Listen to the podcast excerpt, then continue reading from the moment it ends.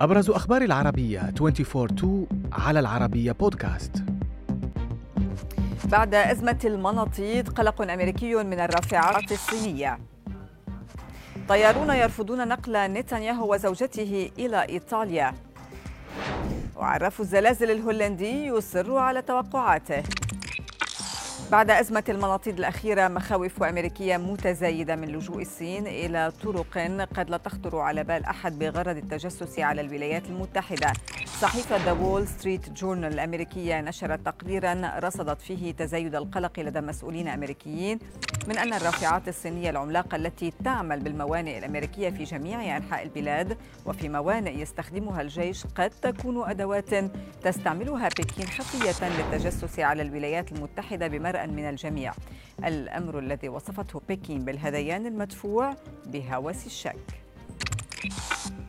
موقف صعب تعرض له رئيس الوزراء الإسرائيلي بنيامين نتنياهو وقرينته بعد رفض طياري وفرق ضيافة شركة الطيران الوطنية الإسرائيلية نقلهما إلى إيطاليا في زيارة رسمية مقررة الخميس المقبل.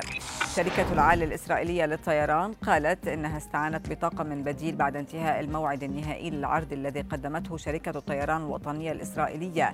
فيما يأتي موقف الطيارين تزامنا مع احتجاجات لا تزال متواصلة منذ تسعة أسابيع في إسرائيل رفضا لخطط حكوميه تقول المعارضة إنها تهدف إلى إضعاف القضاء.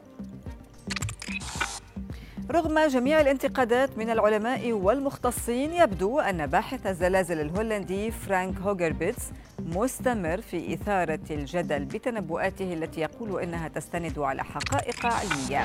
ففي تغريدة جديدة أعاد هوغربيتس التذكير بتوقع كان نشره منذ أيام وتنبأ به بزلزال هائل محذرا من أن تلك التوقعات ما زالت قائمة. وذاع صيت هوغربيتس بعد الزلزال المدمر الذي ضرب تركيا وسوريا في السادس من فبراير الماضي حيث كان قد نشر تحذيرا بوقوع الهزة الأرضية قبل ثلاثة أيام من وقوعها. في مجزرة بحرية شهدتها مياه جنوب أفريقيا قتل زوج من حيتان الأوركا 17 سمكة قرش خلال ساعتين فقط بحسب خبراء الحياة البحرية في المنطقة. وأثناء مراقبة العلماء للحيتان لوحظ غوصها مرارا وتكرارا في نفس المكان لمدة ساعتين متواصلتين ليتبين لاحقا أنها انتهمت 17 سمكة قرش مرة واحدة. وبعد أيام قذفت الأمواج على شاطئ بيرلي بقايا الأسماك التي يصل طول الواحدة منها إلى عشرة أقدام.